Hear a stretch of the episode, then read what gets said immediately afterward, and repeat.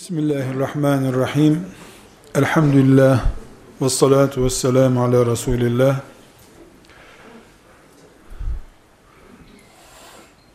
Aziz kardeşlerim, bir hanımefendi, Allahu Teala'nın onu kadın olarak yaratmasına ne kadar karşı çıkabilir? Ya da bir erkek Müslüman Allahu Teala'nın onu kadın değil de erkek yaratmasına ne kadar karşı çıkabilir?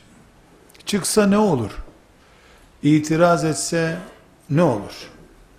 Kadın insan benim neden saçım var?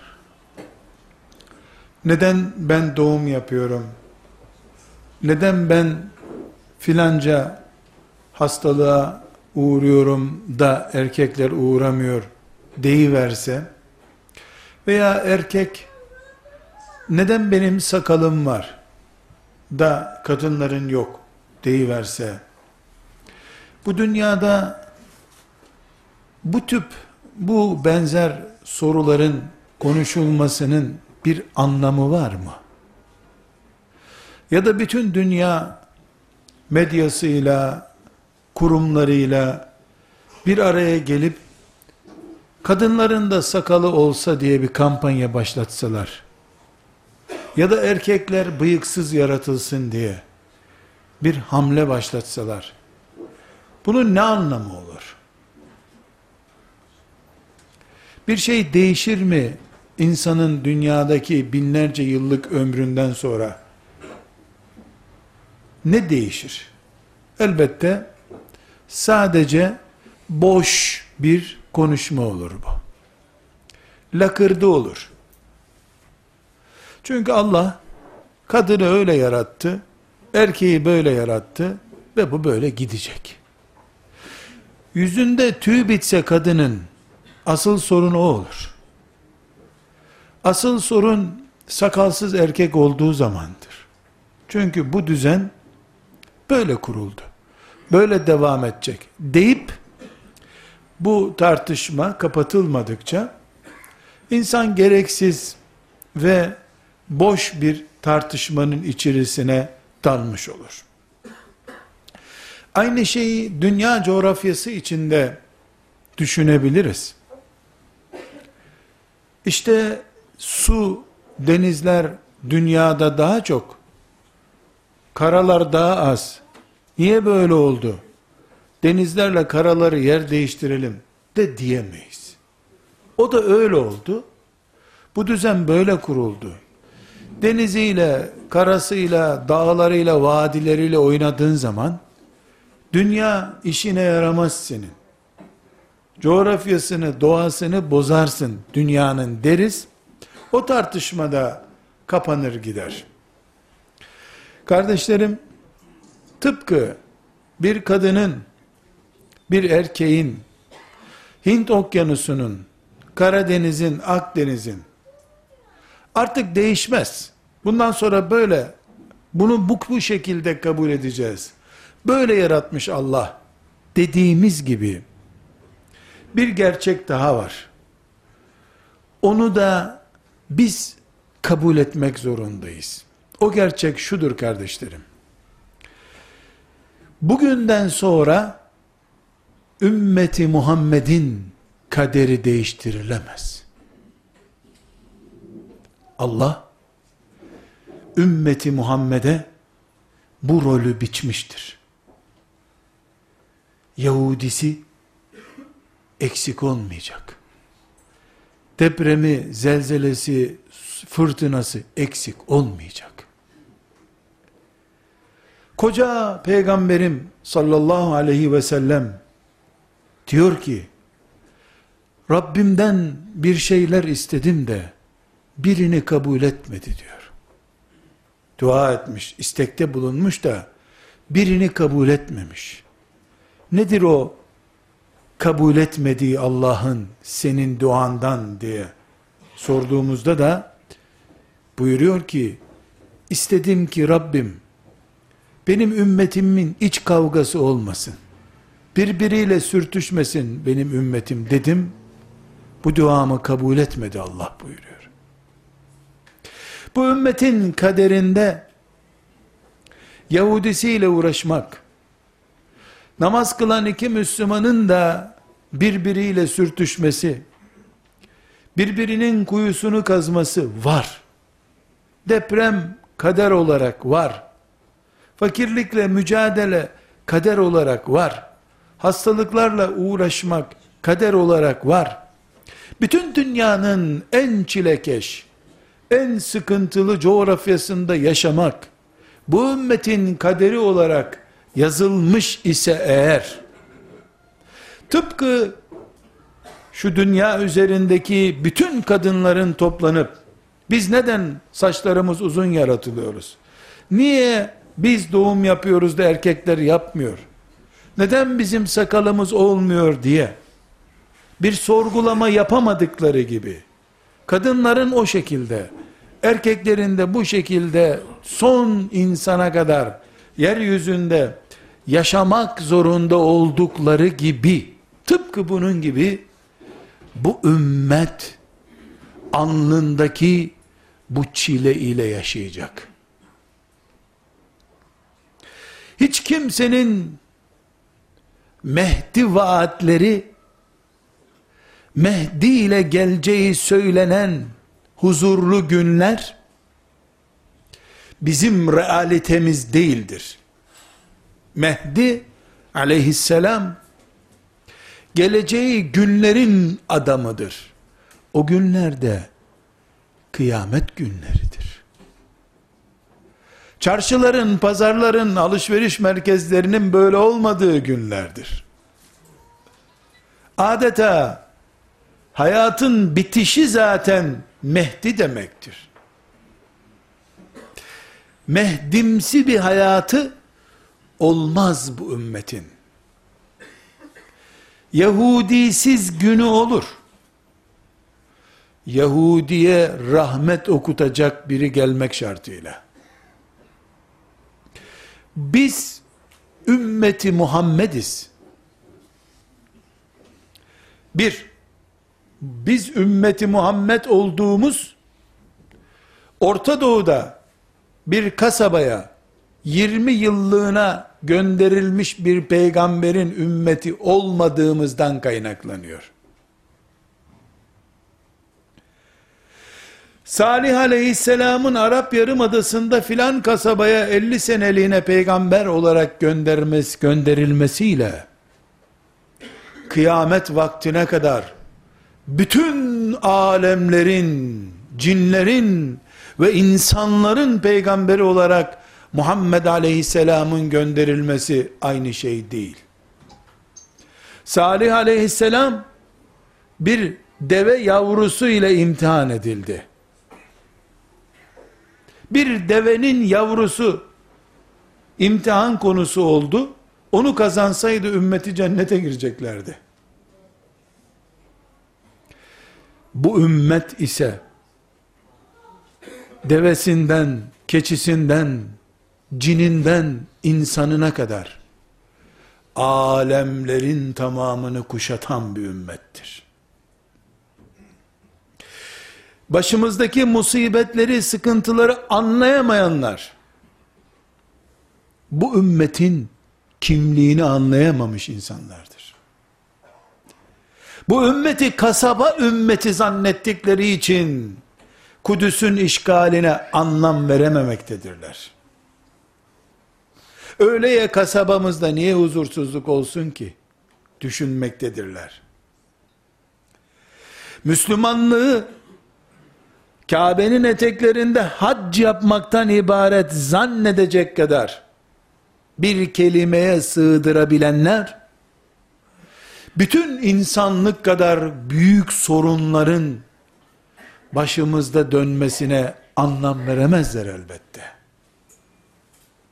Biz Kureyş kabilesinin Mekke'de yaşadığı Müslümanlığın dini değiliz. Kureyş'te doğan ama bütün insanlığa adanan Muhammed Aleyhisselam'ın ümmetiyiz biz. Aziz kardeşlerim, imanın, İslam'ın şartlarını öğrenirken, camide imam efendiler, abdesti öğretirken, Ramazanda oruç tutarken, hacı efendileri, umrecileri Mekke'ye uğurlarken, bu büyük kapsamlı, alemleri kuşatan ve son insanın yaşadığı güne kadar geçerli olacak olan bu büyük dinin işlerinden bir iş yaptığımızı bilmemiz gerekiyor. İman olarak altı şartı öğrendiğimiz gibi bu altı şartın bütün alemleri kuşattığını da öğreniyor olmamız lazım. Aksi takdirde 50 sene namaz kılmış bir Müslüman bile e madem İslam güzellik dinidir, bütün belalar niye Müslümanları buluyor diye soru sorarlar. Bu soruya biz cevap olarak deriz ki, efendi, neden bir şehirdeki bütün hastalar bu acil bölümüne giderler bu hastanenin? Yahu her hasta olanın ne işi var bu hastanede deniyor mu? Aksine ne deniyor?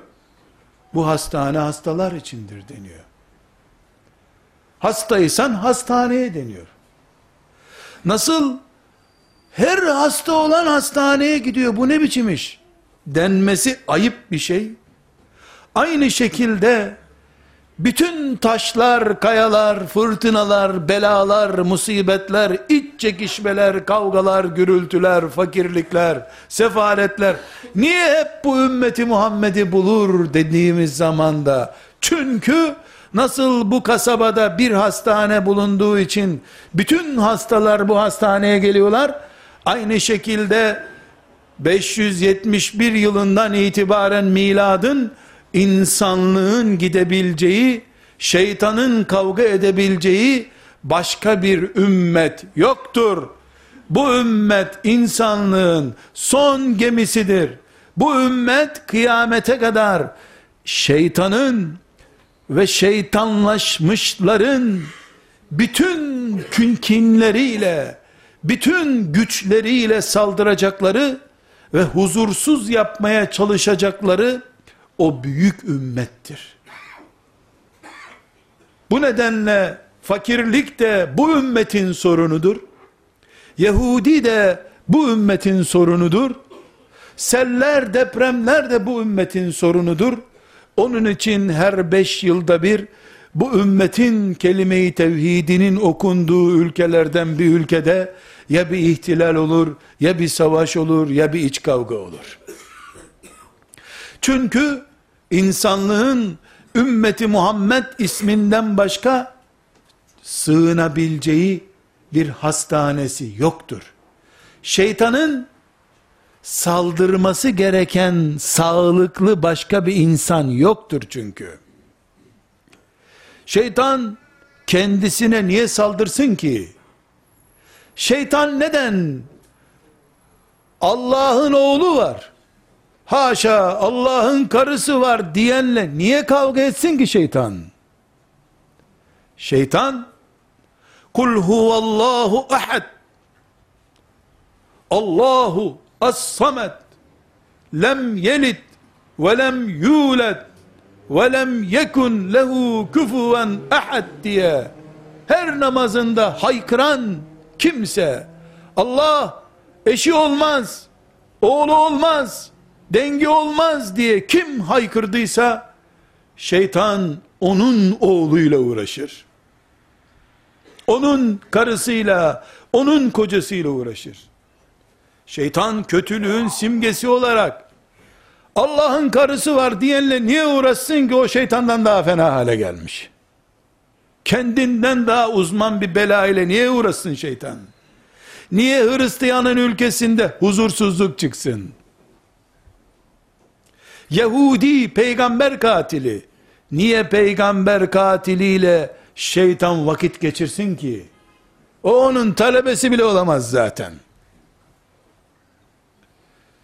Kim bütün insanlığı bağrına gömmüş, Müslüman olsun veya olmasın, kadın olsun erkek olsun, çocuk olsun büyük olsun, acısı olan herkesin acısını benim acım diye hissediyorsa, fakir bir çocuk kalmasın şu dünyada diyorsa, kendi çocuğunun lokmasından kısıp 3-5 kıta ötedeki aç bir çocuğa lokma gönderiyorsa şeytanın çıldırdığı, şeytanın rahatsız olduğu en büyük özelliklerden birisini yaptığı için elbette şeytanın muhatabı o adam olacaktır.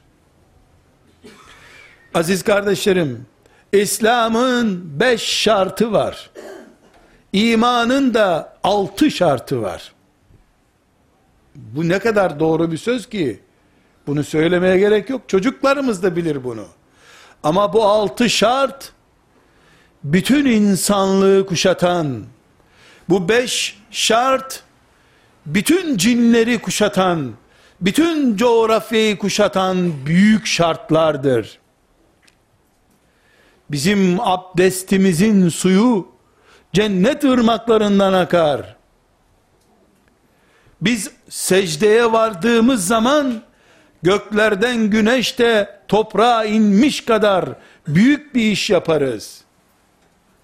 Biz ümmeti Muhammediz. Biz Arap Yarımadası'nın bir kasabasına hayatı boyunca peygamber olarak kalması için gönderilmiş bir peygamberin ümmeti değiliz. Biz Kudüs sokaklarında Musa aleyhisselamdan sonra sabahtan akşama kadar peygamber vekaleti yapmak için gelmiş bir peygamberin ümmeti değiliz biz. Bizim peygamberimiz vefat ettikten sonra bıraktığı kitabı onun ümmeti kendi elleriyle bozup parçalayıp uyduruk bir kitap haline getirmiş bir ümmet değiliz biz. Elimizdeki kitabımız Cebrail aleyhisselamın onu peygambere teslim ettiği günkü tazeliği ve güzelliğiyle elimizdedir. Onun için o kitabın indiği ilk günlerde Uhud'da şeytan Hamza'nın ciğerlerini nasıl söktüyse, o kitabın heyecanı hala Hamza'nın heyecanı gibi devam ettiği için, çocuklarımız akşamdan sabaha kadar, sabahtan akşama kadar o kitabı ezberlemek için uğraştıkları için, şeytanın gözünde doğan her gün bir Uhud savaşı kadar heyecanlı savaşların yapıldığı gündür. Bir grup Müslüman dünyada barış olduğunu Yahudi ile artık barıştığımızı Hristiyanın cici cimbiz bir adam olduğunu düşünseler de şeytan hala vahyin indiği Bakara suresinin indiği Fatiha suresinin indiği günlerdeki gibi hala Musab bin Ümeyr'in Medine'yi İslam devleti yaptığı gibi taptaze bir Kur'an'ın yaşandığını görüyor, gördüğü için de her gün onun gözünde bir Uhud savaşı yapılıyor demektir. O yüzden bu ümmetin Kur'an'ı eskimediği için Hamzaları da bitmez hiç. Hristiyanın elindeki İncil, Yahudinin elindeki Tevrat, artık benim kitabım değil diye Allah tarafından kaldırıldığı için, şeytanın elinde Tevrat bulunan, İncil bulunan birisiyle uğraşacağı bir malzemesi yok ki. Tevrat'ı kaldırayım diye uğraşmasına gerek yok ki kalkmış zaten. Bu İncil'i okumasın insanlar demesine gerek yok ki. Okuyana promosyon bile verir. Oku yeter ki çünkü Allah'ın kitabı değil. Ama nasıl Ebu Cehil'in karşısında İbn Mes'ud radıyallahu anh sana Allah'tan inmiş ayet okuyayım dediğinde tokatlanıyorduysa Rahman suresini okuduğunda İbn Mesud'u nasıl tokatladı, yumrukladıysa Ebu Cehil, o Rahman suresi, o Kur'an hala o tazelikle çocuklar, yaşlılar, kadınlar, erkekler tarafından okunduğu için şeytanın gözünde bu savaş hala Bedir'de, Uhud'da, Hendek'te, Kadisiye'de, Yermük'te hala devam ediliyor demektir. Biz İstanbul'un fethinin 600. yılını belki bir gün kutlamaya hazırlanacağız ama şeytanın yüreğindeki yara hala Ulubatlı'nın Allahu Ekber diye surlara tırmandığı canlılıkla kalıyor. Biz yıl dönümündeyiz. O her gün İstanbul'u kaybettiği için kahroluyor. Müslüman yıl dönümü şenlikleriyle uğraşırken şeytan İstanbul'u kaybeden Bizans'ın evlatlarına bu acıyı nasıl unuttunuz siz diye kışkırtma yapıyor. Bu ümmet kitabı eskiyen bir ümmet değil ki. Bu ümmetin iman esaslarından bir kısmı kaybolmadı ki. Uhud ne için yapıldıysa, Hamza'nın ciğerleri niye söküldüyse, aynı amaç o canlılıkla devam ediyor. Üstelik de sadece Medine'nin kenarında bir dağın eteğindeydi bu kavga. Şimdi açlık çeken Afrikalılardan komünizm zulmünden dün kurtulmuş Orta Asya'daki Müslümanlara kadar herkes hamzalaşmış, Kur'an'a sarılmış. Bunu nasıl içine sindirsin iblis? Bunu nasıl unutabilir? Nasıl yok sayabilir? Müslümanlar çocuklarına bu acıyı anlatmakta ihmalkar davranabilirler. Bir varmış bir yokmuş peygamberin amcası Hamza'yı kesmişler diye masallaştırabilirler. İşte Musab bin Ümeyr şöyle yapmış diye tarihten bir olay gibi anlatabilirler. Ama iblis ordusuna henüz Uhud bitmedi, Uhud devam ediyor diye telkinatta bulunuyor. O masal olarak anlatmıyor. Batılın gerçek savunucusu biziz. Madem biziz, Uhud'daki darbemiz, içimize hançerlenmiş olduğumuz bu sıkıntımız devam ediyor, göreyim sizi diye teşvik ediyor. Ümmeti Muhammed hala yıl dönümlerinde Peygamber aleyhisselamın doğum günlerinde meşguliyet içinde olabilir.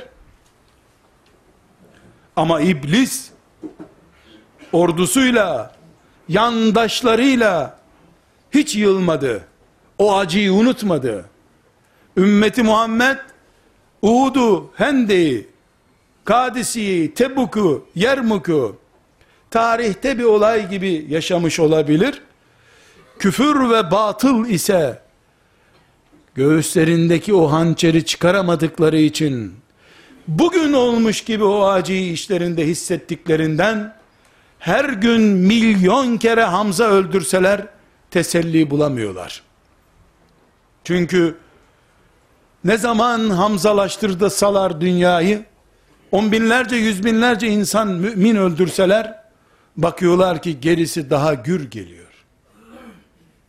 Bu sebeple aziz kardeşlerim, biz namazın farzlarını bilmesek, namazın 12 farzı olduğunu bilmemiş olsaydık, en kötü ihtimalle yüzlerce namazımız kazaya kalırdı. Sonra Allah hidayet eder, bir sene iki senede o namazları kaza edebilirdik. Ama onlarca seneden beri bu ümmetin kim olduğunu bilmediğimizin oluşturduğu faturayı kaç asırda ödeyebileceğimizi bilemiyorum. Müslümanlığı sadece namaz kılmak, sadece Ramazan'da iftar etmek olarak algılayan anlayışımızın kaç asırda ödenecek bir faturayı karşımıza yığdığını kestiremiyorum. Hala ümmeti Muhammed'le sıradan bir kasabada filan peygambere iman edip yaşamak zorunda kalan 3-5 dindar insan arasındaki farkı anlayamamış olmak çok ağır bir fatura. Ondan dolayı işte çok basit bir soruymuş gibi nedir yahu bütün dertler bizim başımızda patlıyor diyoruz. Anlayamıyoruz ki biz ümmeti Muhammediz. Kur'an bizim için siz insanlık için çıkarılmış bir ümmetsiniz diyor. En iyi ümmet sizsiniz. Çünkü insanlık için çıkarıldınız. Ne demek insanlık için çıkarıldınız? Otobüste birisi ayağına basarsa affedersiniz de insanlık göster demek mi bu? Kuntum hayra ummetin uhricet linnas.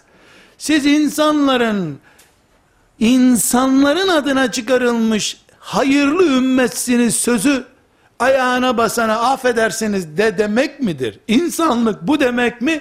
Yoksa Adem'den son insana kadar bütün insanlığın çilesini taşımak için sizi Allah yarattı demektir. Kardeşlerim, kabul etmeyen etmez. Kimsenin iman etmeye de yükümlülüğü yok zaten. Biz iman etti etmedi kimseye karışmıyoruz. Ama iman eden şunu bilecek ki bir kadın nedir bu kadınların böyle yaratılışı deyip isyan edip değiştiremeyeceği gibi kadınlığını bir erkek bu erkekler sakallı yaratılmasın artık diyemeyeceği gibi ümmeti Muhammed'in bu çilesi nedir de diyemez kimse. Bu ümmet çile ümmetidir. Peygamberi bir kere bir gün oturup evinde rahat bir uyuyamamış ümmetin, peygamberine nasip olmamış bir huzur, bir rahatlık, ümmetinden birine nasıl nasip olacak? Bunun için filanca ailenin, Allah ve peygamber tanımazlığına rağmen, evlerinde süt liman huzurlu bir ortam olur, bir kere namaz kaçırmamış, bu Müslüman ailenin çocuğu, Allah'a sığınacakları bir afet olur. Aile sıkıntısı bu ümmette olur. Çünkü namus ve aile bu ümmetin davasıdır. Elbette şehir hastanesinde bütün hastalar buluşacaklar. Elbette aile derdi bu ümmette olacak. Dışarıdakilerde niye olsun ki? Bu ümmetin hocalarının, hacılarının, kadınlarının, erkeklerinin huzur derdi olur. Helal kazanmakta zorlanma sıkıntısı olur. Çünkü faiz, yani alın teri olmadan kazanmak bu ümmete haram. Başkalarına haram değil ki. Elbette ödeme sıkıntısı Müslüman esnafta olur. Kafir şehir suyu da içiyor, dere suyu da içiyor. Onun susuzluk derdi olmaz. Mümin böbrekleri hassas insandır. Her sudan içemez. Onun için o çok susar. Hassasiyet meselesi. Bu ümmet bütün insanlığın dertlerine ayarlanmış böbrekleri olan bir ümmettir. Bu ümmet dert ümmetidir. Bu ümmetin peygamberi bile vefatına yarım saat kala dahi aleyhissalatü vesselam huzur içerisinde beni Azrail'le baş başa bırakın öleyim diyemeden öldü bu dünyada. Ölümünden birkaç saat önce bile hanımlarını ikaz etmek zorunda kalmış peygamberin var senin. Sen dün evlendin, daha da ölümüne çok yıllar var senin hesabına göre. Sen nasıl huzur beklersin bu dünyada? Bütün insanlık dünyayı cennetleştirmek için uğraşır. Bu ümmet ise Allah'ın nazarında bir sinek kadar değeri olmayan bu dünyadan cennete gitmek için uğraşır. Biri dünyayı cennetleştirmeye çalışıyor, öbürü bu dünyadan cennete gitmeye çalışıyor. Elbette biri cennet gibi bir hayat yaşayacak, öbürü de cennetin hasretiyle bu dünyadan gidecek. Bundan doğal ne var ki? Olması gereken de bu zaten. Aziz kardeşlerim, olaylara bakışımız, global çapta, dünya olaylarına bakışımız, ya da kendi yöresel sıkıntılarımızı ele alışımız, veya kapısını kapatıp içinde eşimiz, çocuklarımızla oturduğumuz evimiz, bu ümmetin karakterine, bu ümmetin kaderine sahip olmak zorundadır. Elbette benim evim dert evi olacak. Bende olmazsa mümin kardeşimin derdiyle dertlendiğim için dertleneceğim. Elbette ve elbette benim yavrum bir gün Musab olsun Kur'an devleti kursun diye umutla büyüttüğüm için milyonlarca şeytanın hedef tahtası haline gelecek ve başkasının çocuğunun 20 yaşında yapmadığı çılgınlıkları 7 yaşında yapacak elbette bundan doğal ne var? Büyük hedeflerin büyük sıkıntılar olmayacak mı? Cennete götürmek için kolundan tuttuğun çocuğu şeytan arkasından mı dürtecek hızlı git yavrum diye? Yoksa ensesinden yapışıp nereye gidiyorsun gitme babanla mı diyecek? Bu ümmet tiyatro oynamak için gelmiş bir ümmet değildir. Allah'ın insanı ne için yarattıysa bu dünyada o kader gerçekleşsin diye yeryüzünde yarattığı son ümmettir bu ümmet. Bunun için Muhammed Aleyhisselam da bu ümmetten geldi. Mehdi Aleyhisselam da bu ümmetin içinden çıkacak. Bunun için Hristiyanların peygamberi İsa Aleyhisselam da bu ümmetten bir adam olarak Rabbine sonunda kavuşacak. Bu ümmet çünkü bütün insanlığın ortak son projesidir. Herhalde bu kadar büyük bir projenin bunca yığın sorunu da olacak. İyi bir sonuç için ağır faturalar ödemek doğaldır. Yalnız şu var ki kardeşlerim. Biz ümmeti Muhammediz ya. Elhamdülillah. Kadınımızla, erkeğimizle, peygamberimize razı olduğumuz gibi onun bize çizdiği projenin adamı olmaya razı olduğumuz gibi çilemize de razıyız. Bu çilemize razı olmak bize ne sorumluluk getiriyorsa onu da yapmaya razıyız.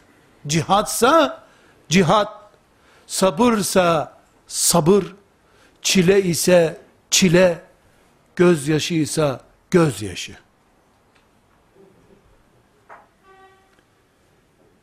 Bu ümmet eğer Allah tarafından seçildiyse ve insanlığın son projesi olarak bundan sonra bir daha gemi kalkmayacak. Binen bu gemiye binecek. Nuh'un gemisi filan değil. Bu Allah'ın gemisi. Son gemi bu çünkü. Ya buna binecek insanlık, ya da helak olup gidecek. Bunca kalabalık yolcusu olan ve limanı bütün insanlık kadar büyük bir liman olan bu gemiyi cılız köyünden başkasını düşünemeyen pasif menfaatinden başkasını takdir edemeyen insanlar atları Müslüman da olsa bu ümmeti taşıyamazlar. Bağıra bağıra söylüyorum. Derdi sadece kendi tarikatı olan, sadece kendi vakfı ve derneği olan, sadece kendi mahallesindeki camisi olan, sadece kendi çocuğunun okuduğu Kur'an kursu olan, sadece kendi yaşadığı ve pasaportunu taşıdığı ülkesinden ibaret olan, bu ümmetin Kureyş'ten gelmiş, bütün insanlığa değil, 18 bin aleme adanmış olan peygamberinin bir hakkın ümmeti olarak alnı dik bir şekilde bu ümmetin önünde, arkasında, ortasında hiçbir yerde duramaz. Allah diyen herkesi Muhammedun Resulullah diyen her mümin kardeşini bağrına kim basabiliyorsa insan olarak yaratılan herkesi kendi kardeşliğinin en azından adayları olarak görebiliyorsa o bu ümmeti Muhammed'dendir. Ümmetini kliği kadar, grubu kadar görenler bu ümmetin tıpkı bir çuvalın inci dolu çuvalın içinde bir tek buğday tanesi bulup onu gagalayarak alan tavuğu durumundadırlar. İslam onun tarikatından ibaretse, grubundan ibaretse, kendi cemaatinden, kimliğinden ibaretse, o İslam, bütün ırklara, insanlığa veda hutbesi vererek giden Muhammed Aleyhisselam'ın İslam'ı değildir. Hatta ve hatta İslam'ı Kabe'de hac etmekten ibaret zanneden, sabah namazı kılmaktan ibaret zanneden bile, İslam'ı kuşatabilmiş değildir. Bir elle tokalaşmak, elin bir parmağına tutmakla olmaz. Beş parmağına tuttuğun zaman tokalaşmış olursun. Bir parmağından sadece koparmak için asılırsın. Namaz İslam'ın bir parmağıdır. Hac bir parmağıdır. En önemli rüknüdür ayrı bir mesele. İnsanın başı hayatının devam edip etmediğini gösteren en önemli bölümüdür. Koparıp başını götürünce bir insandan insan oluyor mu? Nasıl sadece namaz kılandan Müslüman oluyor? İslam bütün insanlığın dinidir. Bütün insanlık içindir. Bütün kıtalar içindir. Bütün alemler içindir. Bu kadar büyük dinin elbette meşakkati, sıkıntıları da kendi çapındadır. İslam'ı günlük olaylarla anlamaya çalışmak, onu mesela 2000 filanca yılın filanca gününde Orta Doğu'daki filan olayla İslam yorumu yapmaya kalkmak, İslam'ı 2000 filan yılının dini zannetmektir. Orta Doğu'nun dini zannetmektir. Halbuki İslam'ın Rabbi olan Allah Rabbul Alemin'dir. Orta Doğu'nun Rabbi değil, alemlerin Rabbi. filanca hırkın Rabbi değil, bütün insanların Rabbi, hayvanların Rabbi, cinlerin Rabbi, cemadatın Rabbi, bu kadar büyük projenin, bu kadar büyük anlayışın, küçük düşünen, pasif kalan, geride kalan, gizlenen insanları olamayız. Olursak eğer, evdeki iki çocuğumuz bizi delirtmek için yeter o zaman. Sen çünkü 7 milyar taşıyacak yüreğini iki çocuğa pazarlamışsın. Elbette iki çocuk seni hançerleyecek o zaman. Çok küçük düşünüyorsun. Cennetten aşağısına razı olan elbette asgari ücretle de doymaz, azami ücretle de doymaz zaten o. Çünkü dünyanın tamamı cennetin bir avucu etmedikten sonra Allah ki seni cennetlerinde mutlu etmek için yarattı. Sen o mutluluğu dünyanın bir avuç buğdayına, bir kek parçasına değiştiriyorsun. Elbette zindanda yaşayacaksın. Elbette doymaz gözün olacak.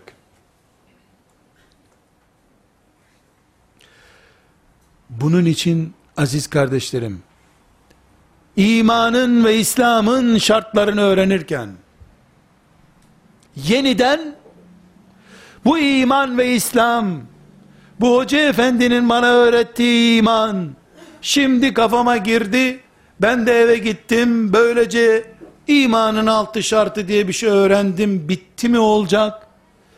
Yoksa, insanlığı ve kainatı, altı parçaya dilimleyerek bağrıma mı basmış olacağım ben? İmana yeni bir şekil vereceğiz. Namaz bu dinin kaçta kaçıdır? Oruç kaçta kaçıdır? Bunu yeniden düşüneceğiz. Allah Celle Celaluhu bizim neyimiz oluyor, kimimiz oluyor? Bir daha soracağız bunu. Eğer Allah benim Rabbim ise beni iki çocuk kasemen billah delirtemezler. Eşim dünyayı bana zindan edemez eğer. Edemez mümkün değil. Kaynanam, kaynatam bana kötülük yapamazlar. Çünkü onlar en çok yapsa yapsa beni öldürebilirler. Kesebilirler. Zehirleyebilirler. Başka ne yapacaklar ki? Ben Rabbimin kulu isem, Rabbim de benimle beraberse, kaynanamın beni delirtmesi mümkün değildir. Yeryüzünde en baş edilmez çocuklardan kırkı benim çocuğum olsa, bana bir şey yapamazlar onlar. Çünkü ben, onları da yaratan Allah'la beraberim. Ben yalnız değilim. Ben bu imana sahipsem, 20 yıl bir yatakta yoğun bakım şartlarında yatsam bile yalnızlık hissetmem. Ölümden korkmam. Çünkü ben yalnız değilim. Beni hasta edenle beraberim.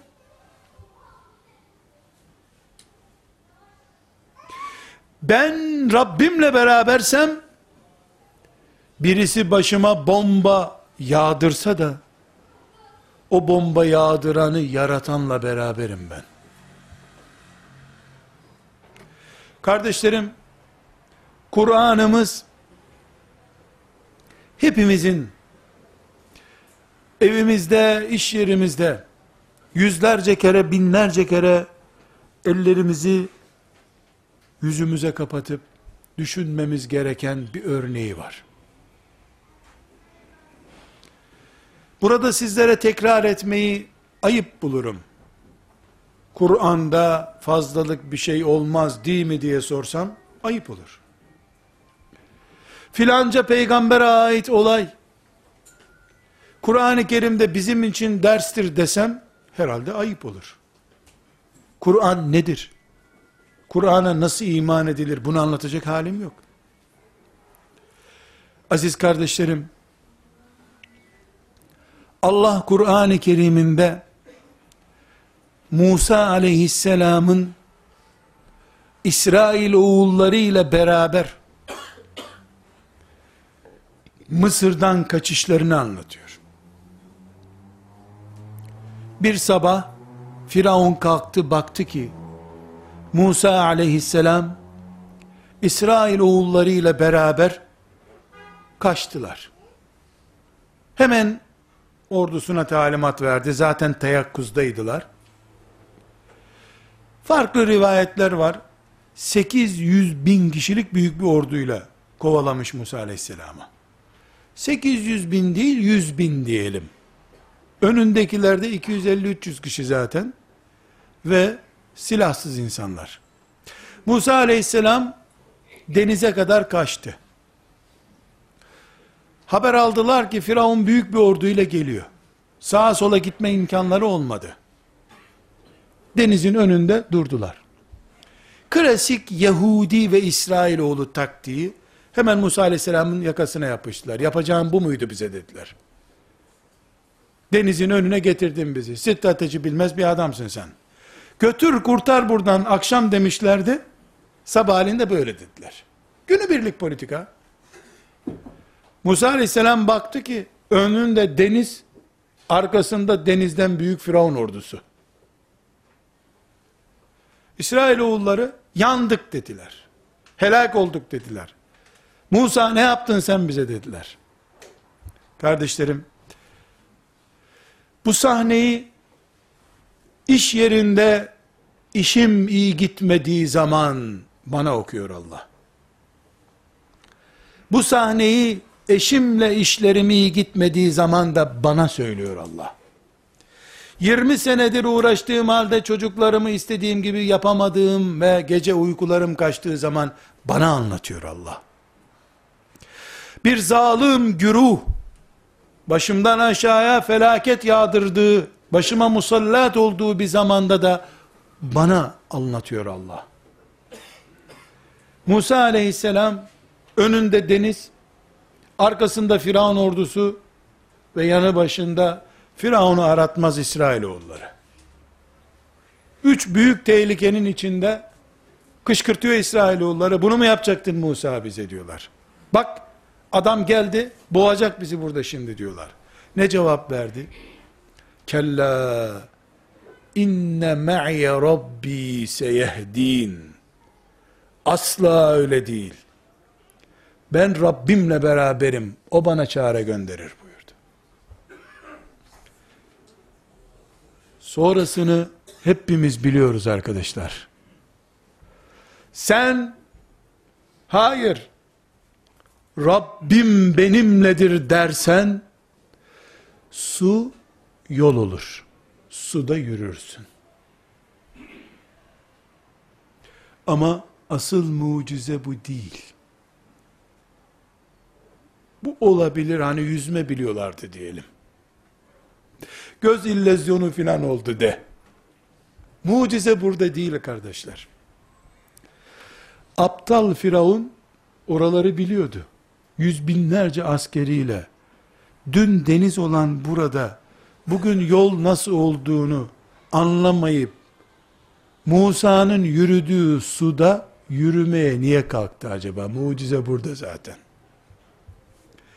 Biz hep Musa'nın aleyhisselam suda yürüdüğü mucizeye bakıyoruz. O mucizeye Firavun ve adamları nasıl aldandı asas mucize orada halbuki. Koşun peşinden dedi. Ya hızlı yürüyün, hızlı yürüyün diye kim bilir kamçılamıştır askerlerini. Hızlı yürüyün. Musa kaçıyor.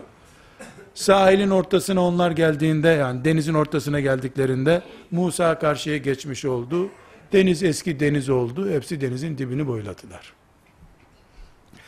Rabbimle beraberim dersen sadece su yürüyeceğin yol olmuyor.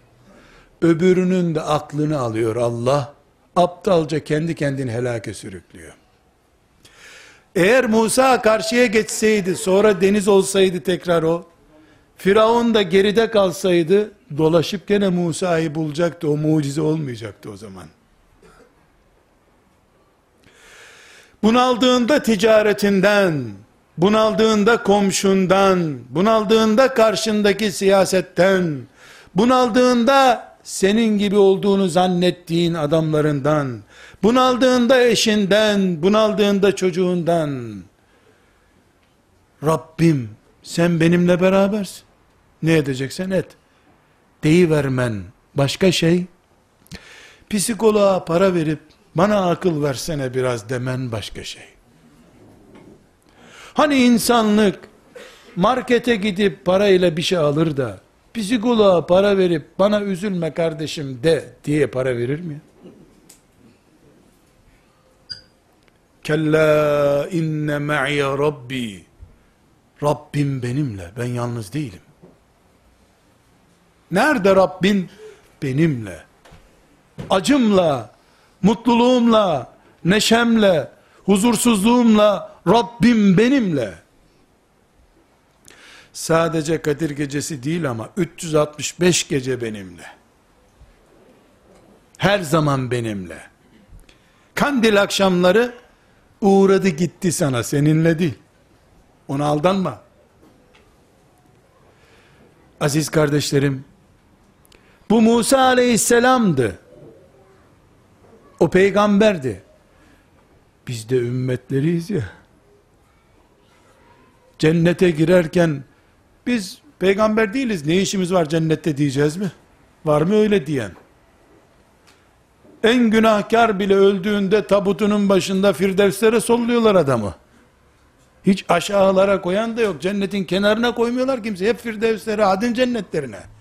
Ya oralar peygamberlerin yerleri filan olsun. Gideriz. Ama inne me'ye rabbiye gelince o peygamber sözü oluyor. Değil.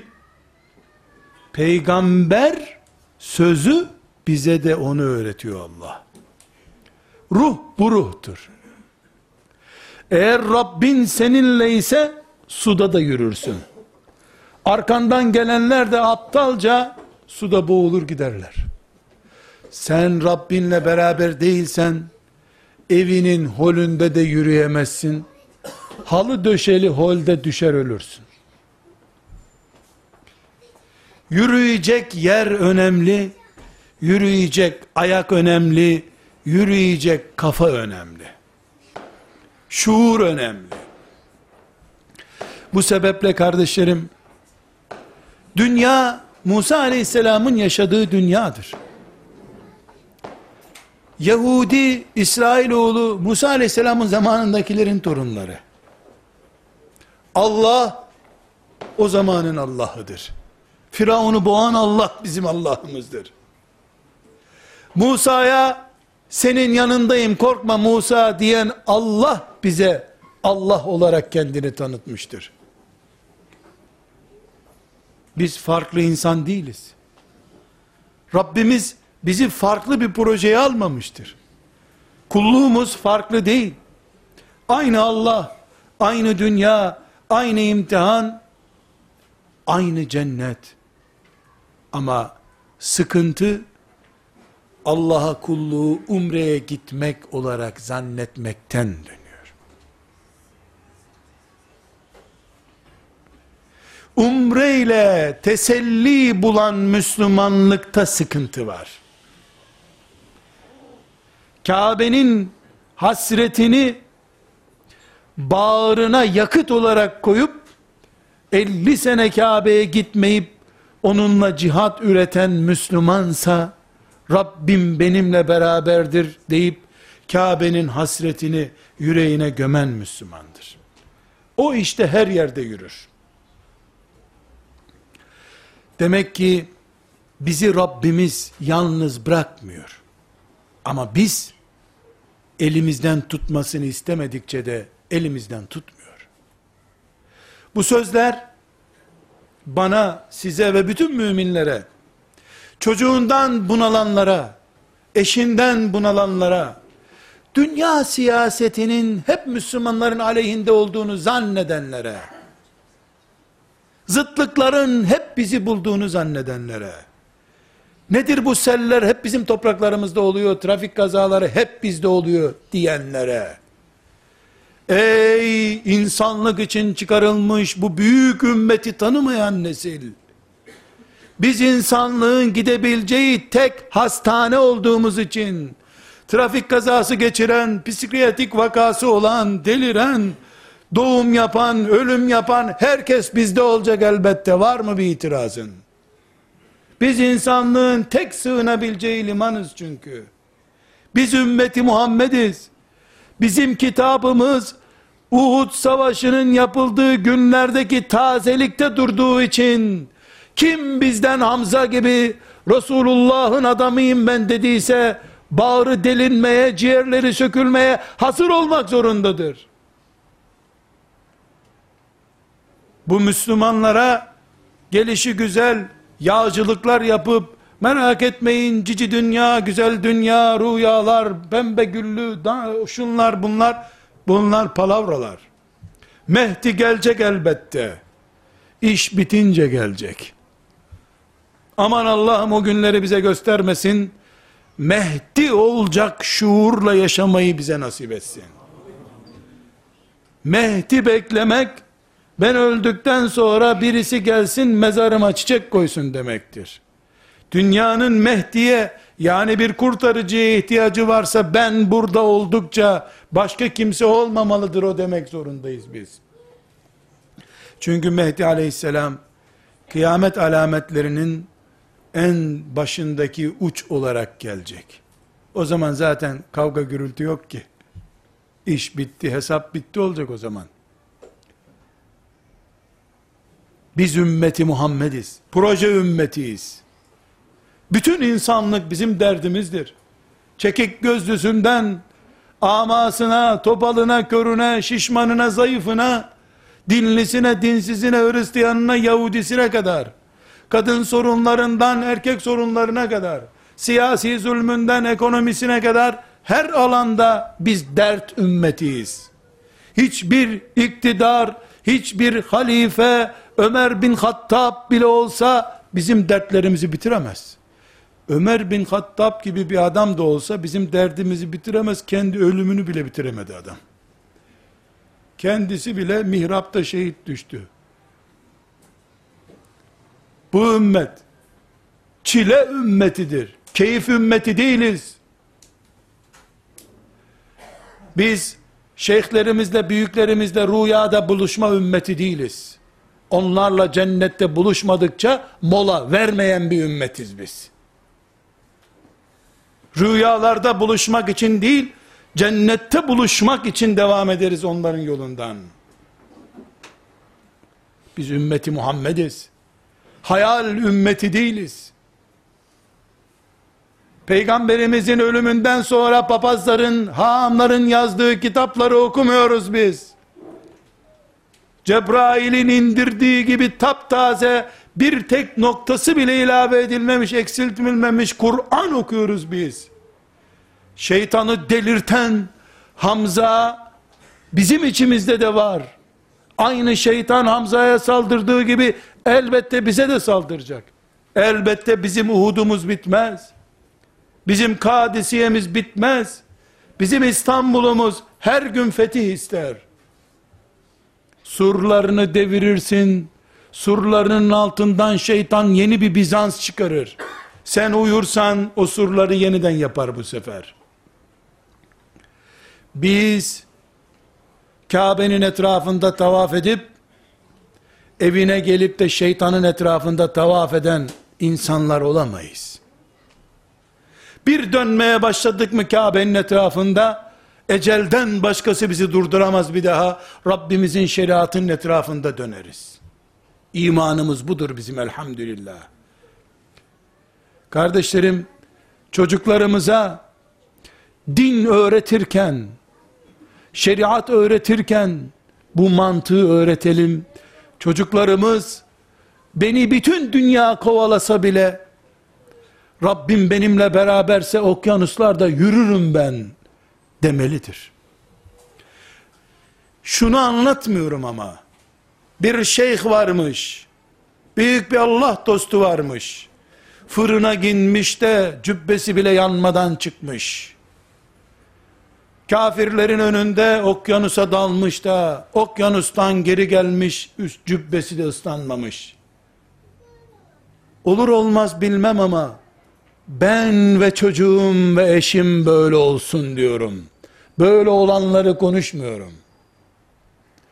Musa böyle dedi, Allah da bana sen de böyle de diyor. Onun için Kur'an bunu bana anlatıyor diyorum.